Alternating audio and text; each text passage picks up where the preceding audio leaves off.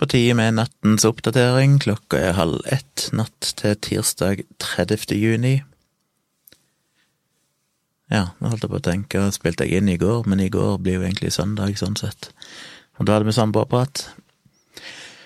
Så i dag er det vår mandag, og hva har skjedd i dag? Jo, dattera mi, Maja, har reist hjem, og det er alltid litt trist, selvfølgelig. Hun har en, Vi hadde en veldig rolig søndag. På lørdag, som sagt, så var vi ute og gikk denne turen langs Alnaelva. Og det ble en del Ja, vi var først nede i byen, og så gikk vi denne turen, så det var en del program den dagen. Men Maja er jo veldig lik meg, hun er jo veldig introvert av seg, egentlig. Eller jeg vet ikke, ja, hun er introvert i den forstand at hun trenger mye alenetid, og liker å bare styre med sine ting. Men hun er jo veldig sosial òg. Veldig mye venner og veldig trygg på mennesker generelt sett. Helt siden jeg var liten, så har hun alltid vært sånn som veldig lett Jeg var aldri redd for fremmede folk, holdt jeg på å si. og knytta seg lett til folk og Men eh, ja, så i går, så På søndag, da, så hadde vi en helt rolig dag der det ikke skjedde noen ting, for hun hadde bare lyst til å ha en fridag. Det er jo gjerne sånn når det er ferie og du har to foreldre, holdt jeg å si, som ikke bor sammen, så kan det jo fort bli litt slitsomt, stakkar, for de ungene som skal være litt med den ene forelderen, og så litt med den andre, og spesielt når jeg bor et stykke unna og må reise litt. Så jeg er litt opptatt av at hun ikke skal føle at det blir stress i løpet av sommeren. Hun skal liksom få tid til En sommerferie skal jo være litt avslappende, og det kan fort bli mye jag hvis hun hele tida skal ha et opplegg. Så søndagen tok hun det helt med ro, så nesten ikke noe til, hun var egentlig bare på rommet sitt mesteparten av tida. Kose seg der med å ligge med mobilen og chatte med folk på Snapchat og se på Netflix og forskjellige ting. Og det koser hun seg med. Og så styrer hun seg sjøl, går inn på kjøkkenet og henter litt mat og snacks og bare har det fint. Så i dag, eller da mandag, så reiste hun hjem. Vi kjørte jo ifra Tonstad med hun, som jeg sa, så hun kom jo her med bil, men hun skulle hjem igjen med fly. Og da kom jeg på at vi hadde jo glemt ansiktsmaske. Hun har jo ansiktsmaske, for hun har reist med fly en gang tidligere, etter at denne koronagreia begynte. Men siden hun reiste til Tonstad først med bil og sånn, så glemte jo alle egentlig at hun måtte jo ha med seg ansiktsmaske for å skulle hjem igjen med fly. Så det måtte vi få tak på i dag. Men Tone hadde en legetime i dag tidlig, så hun var nede i byen uansett, og stakk innom et apotek og kjøpte ansiktsmaske, som hun fikk sendt det med henne. Hun er ikke så fornøyd med å måtte bruke det, for det er varmt og klamt og ubehagelig, syns hun. Men sånn er nå en gang reglene. Og nå har de jo slutta med det der ledig midtgang, så nå fyller de opp flyene igjen for fullt.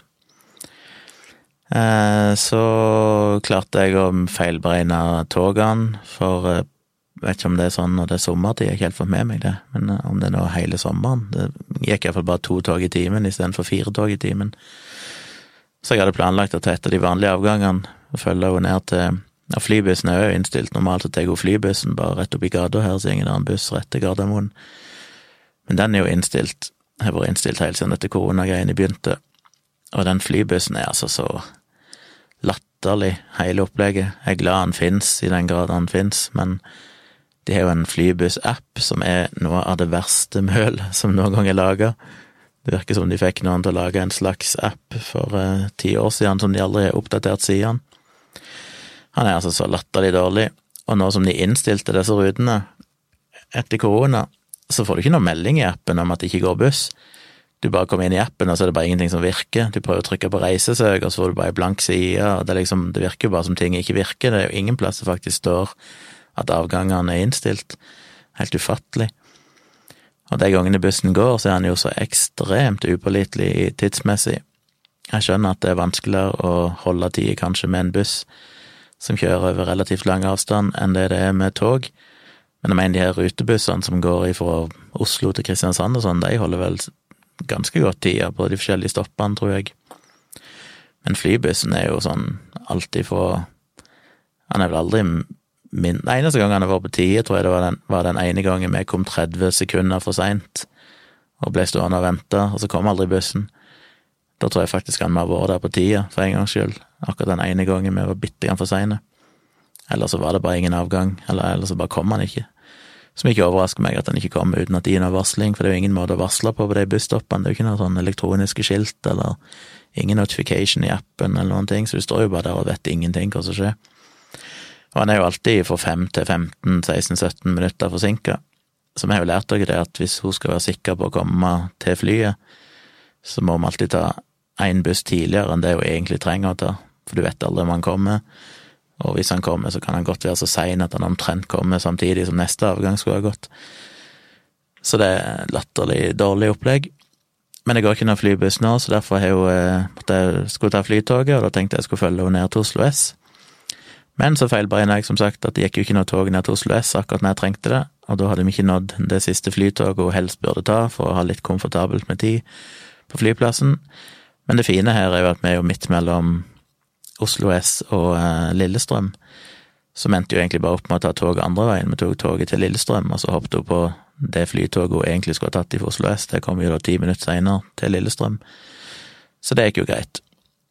Så da fikk jeg hun av gårde der. Og så var hun litt stressa, for det hadde gått tom for eh, mobildata. Får ikke fornying før 1. juli.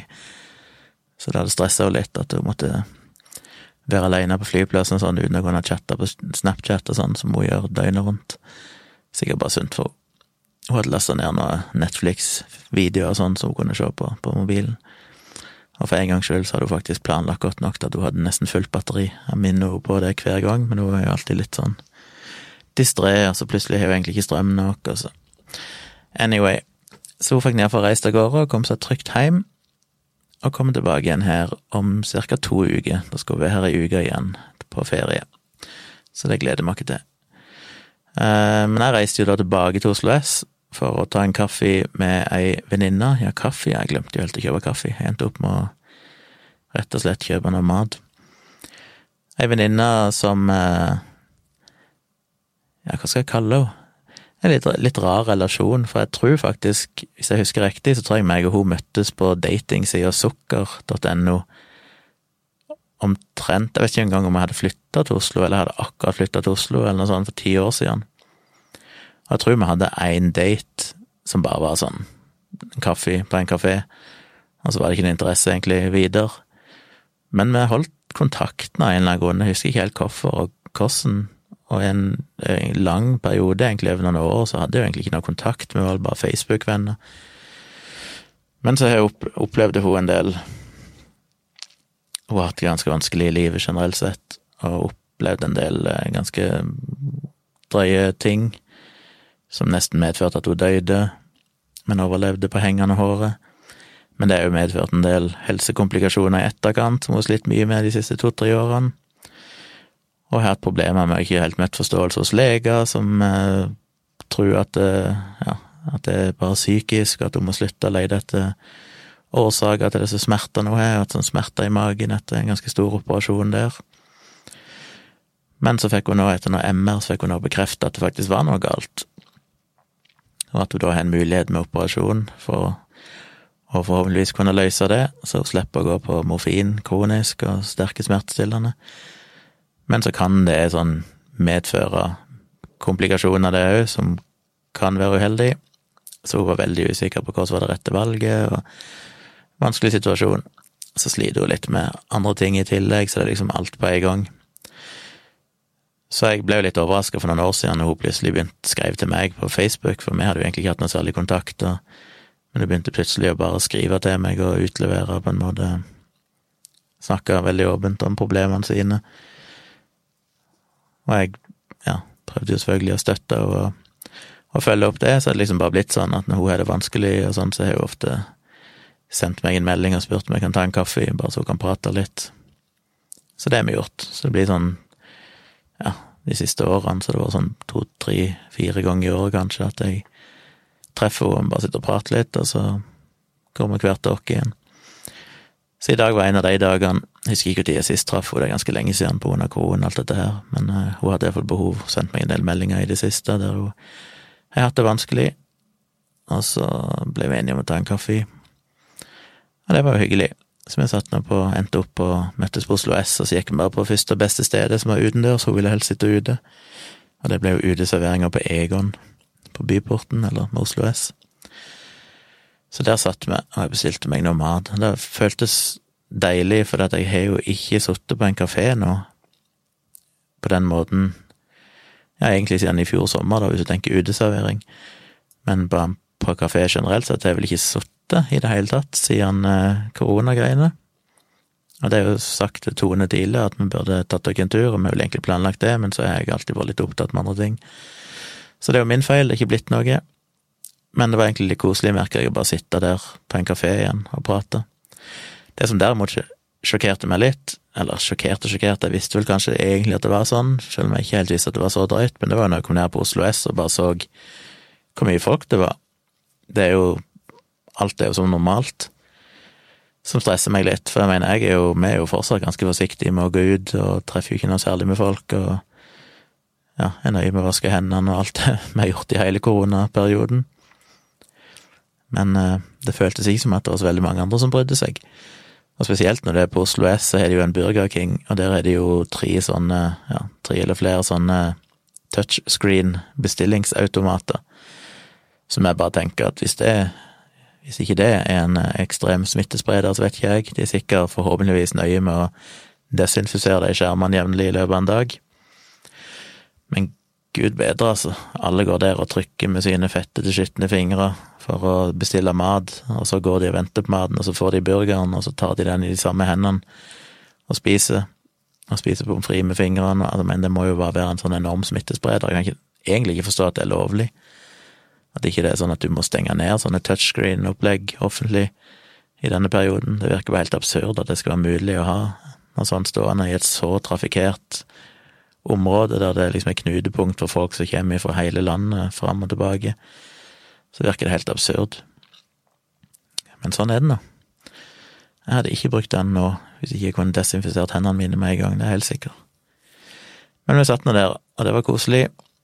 Og så reiste jeg hjem, og så endte jeg opp med, når jeg kom hjem, så lå Tone og sov i sofaen med fjernkontrollen i ei hånd og mobilen i den andre. Hadde kollapsa, for hun måtte opp veldig tidlig i dag for å komme seg ned til legen.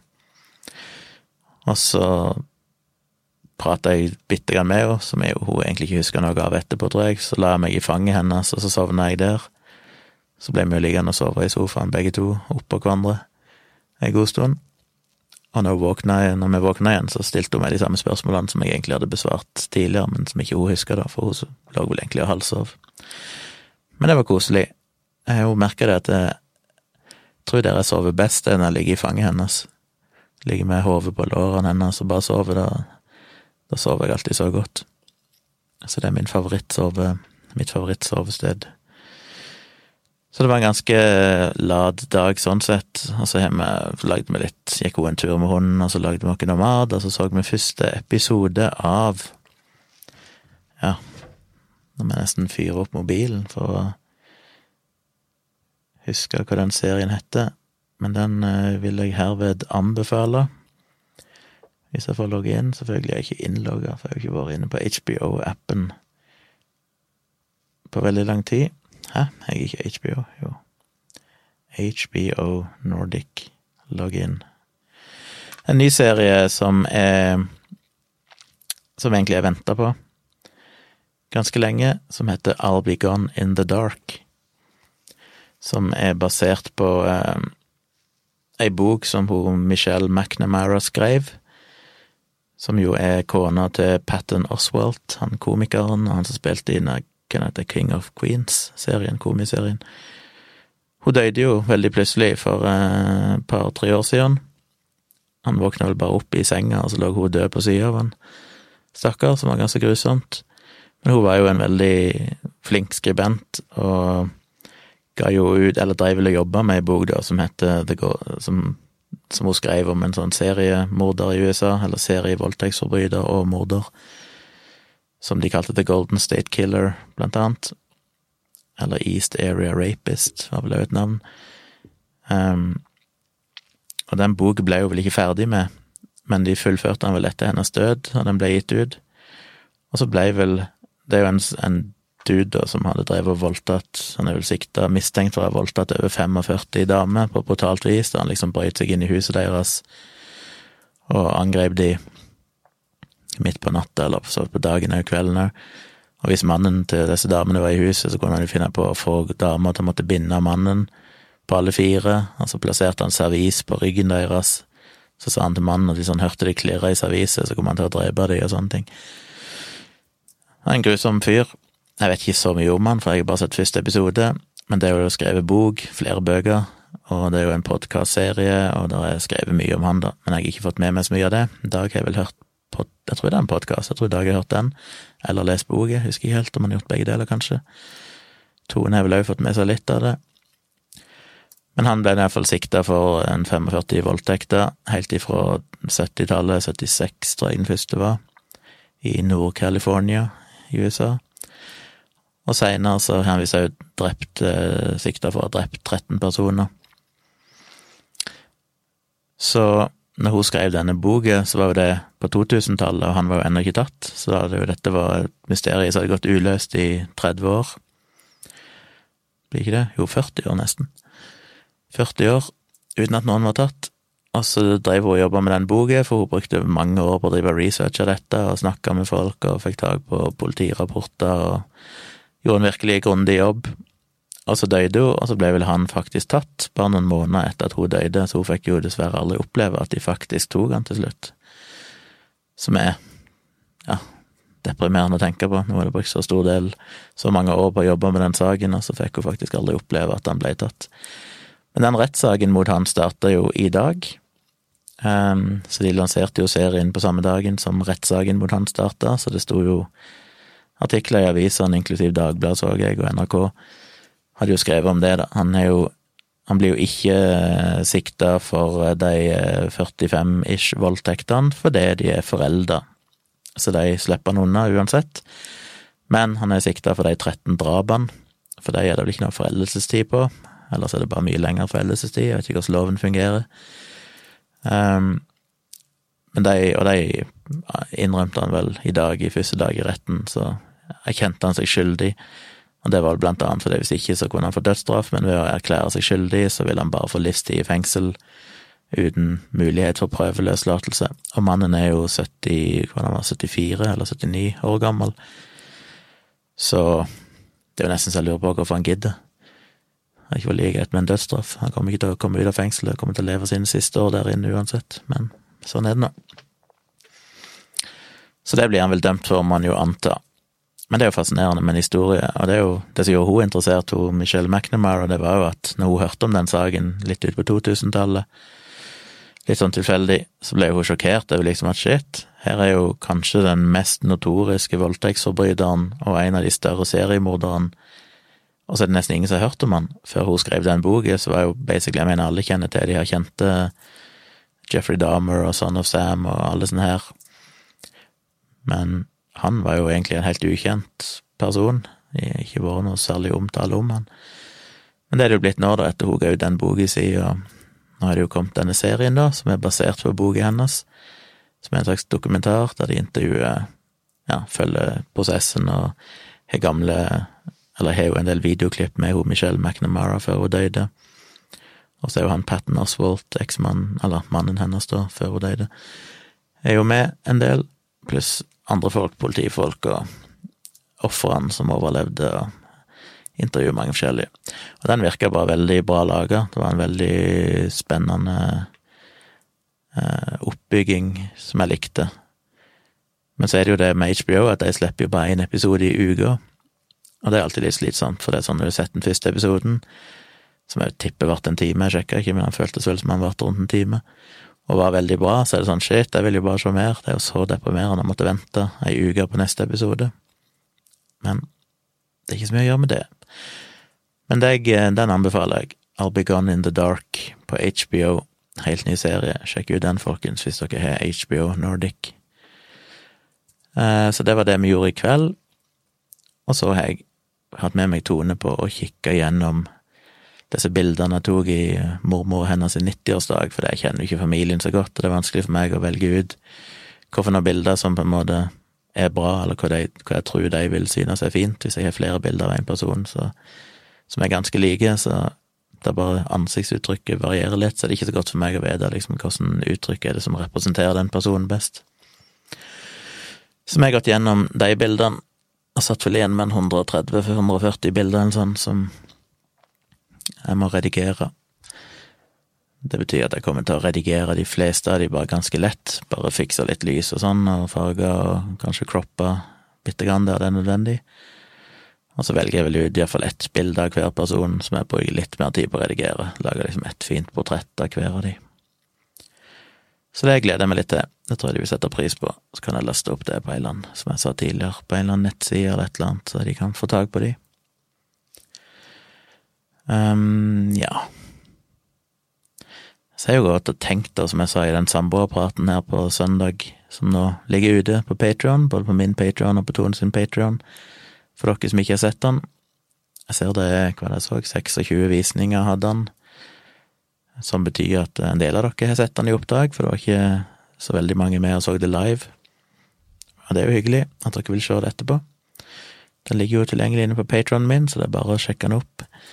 Se på den når det måtte passe. Men der snakket vi jo om eh, Vi tok noen sånne spørsmål som vi fant, som er liksom for par som skal ja, bli bedre kjent med hverandre.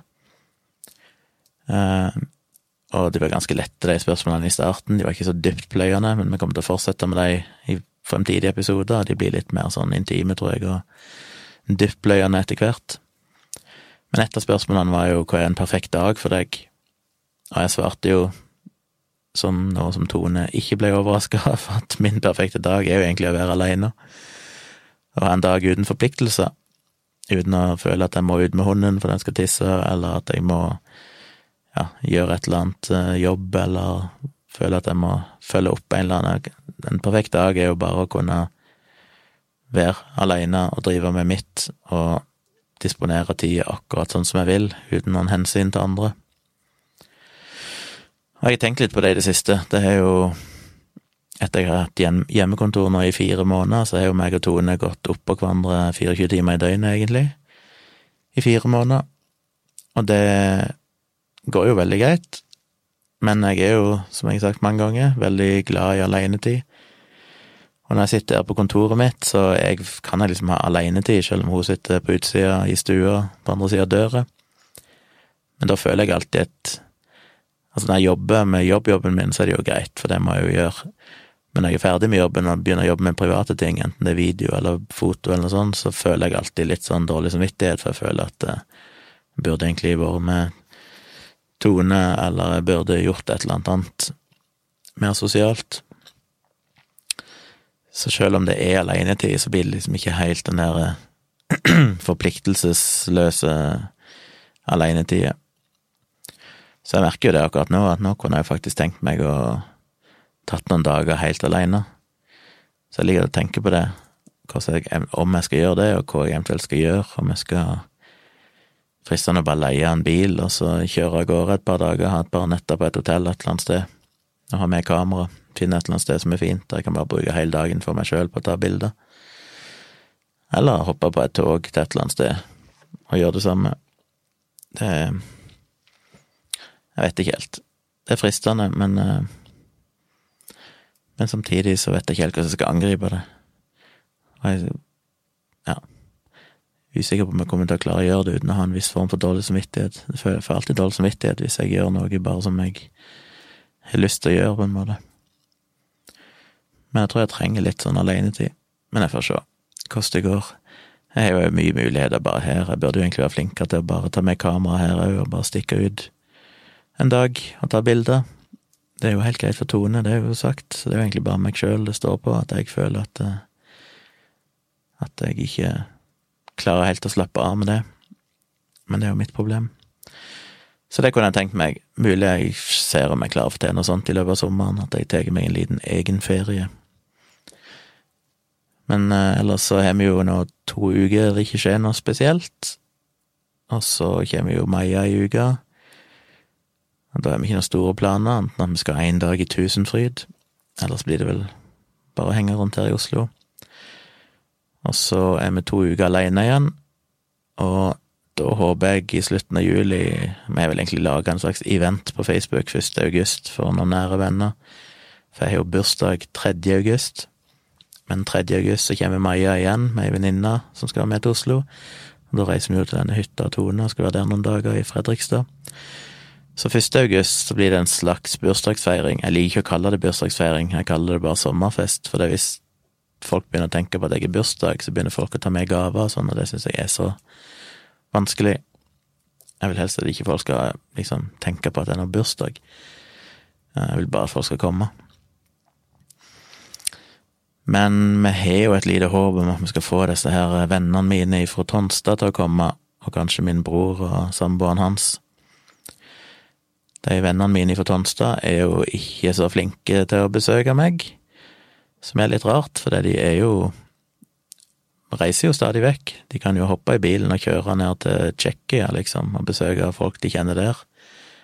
Og de kan jo stadig vekk si at de har kjørt forbi Oslo på vei til Sverige, da de plutselig fant ut de skulle kjøre en tur. Så de er jo ikke redde for å kjøre lange turer, de er jo veldig glad i bil, eller glad i å kjøre.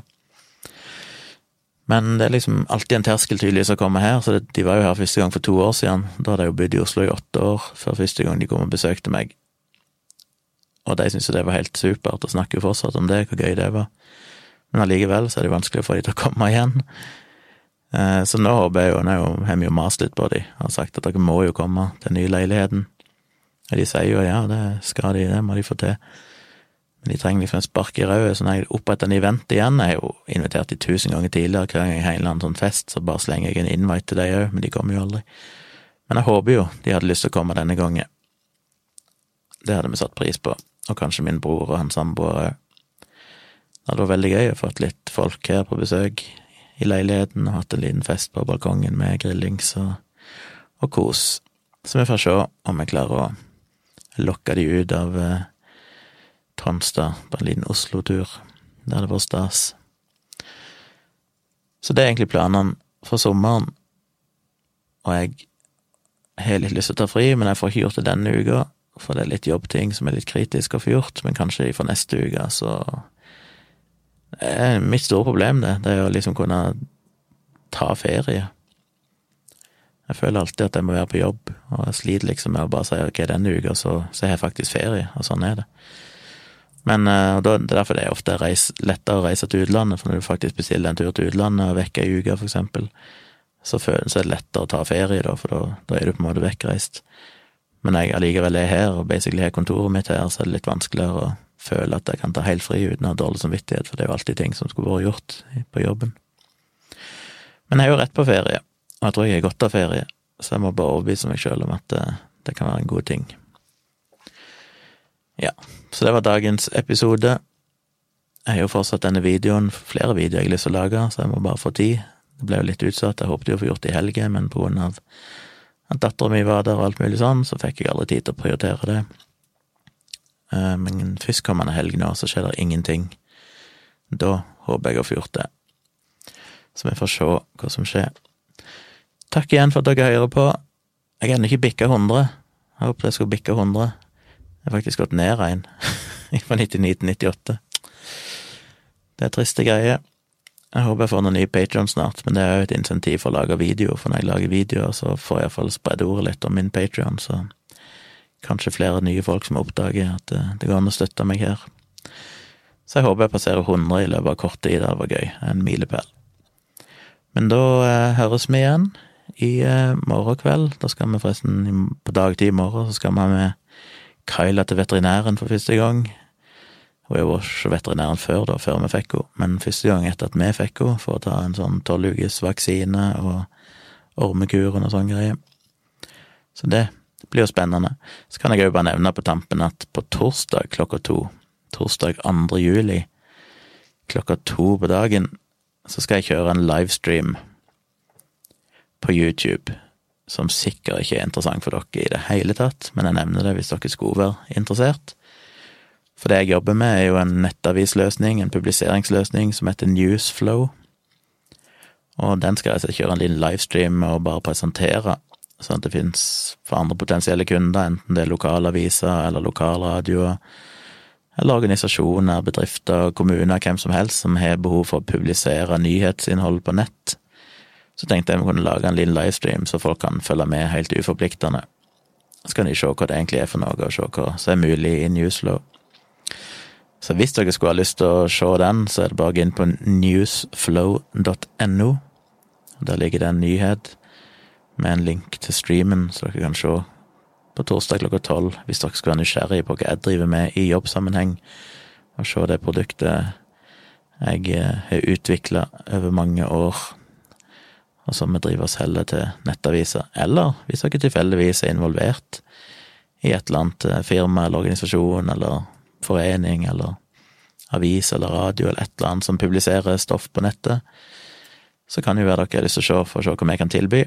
Det er jo en del som bruker Wordpress, for eksempel, men vi har jo en løsning som er mye mye mer tilretta og enklere å bruke når du skal publisere nyheter, og som automatiserer mye mer av bildehåndtering og videoer og lydfiler og alt mulig sånn, med automatisk prosessering på serveren og mye sånn spenstige, morsomme ting og integrasjon mot mange kjente annonsesystemer og abonnementssystemer som er brukt i Norge, og andre sånne avisløsninger. Så hvis dere tilfeldigvis trenger noe sånt, så ta gjerne en kikk. Det er ikke noe påmelding eller registrering, det er bare å gå inn på linken og se. Og den videoen blir jo liggende ute i ukas tid etterpå, tenkte vi, så hvis noen ikke får sett livestreamen, så er det mulighet til å se opptaket seinere. Så det kan dere jo sjekke ut torsdag klokka to, skulle dere ha lyst til det, eller uka etterpå. Men da er jeg ferdig med ranten min, og må jeg komme meg i seng, så det høres vi igjen i morgen.